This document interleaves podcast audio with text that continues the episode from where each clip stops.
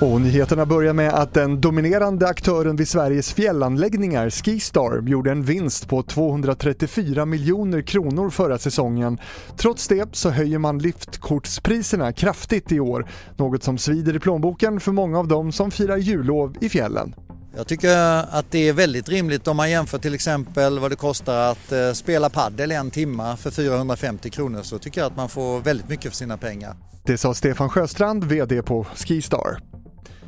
36 personer har dött på sin arbetsplats i år, detta enligt nya siffror från Arbetsmiljöverket. De flesta olyckor sker inom byggbranschen, transport och tillverkningsindustrin och framförallt i företag med få anställda.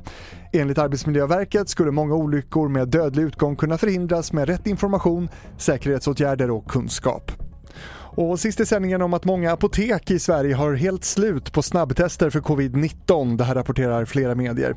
Enligt apotekskedjorna så ligger en stor efterfrågan i kombination med leveransproblem bakom bristen.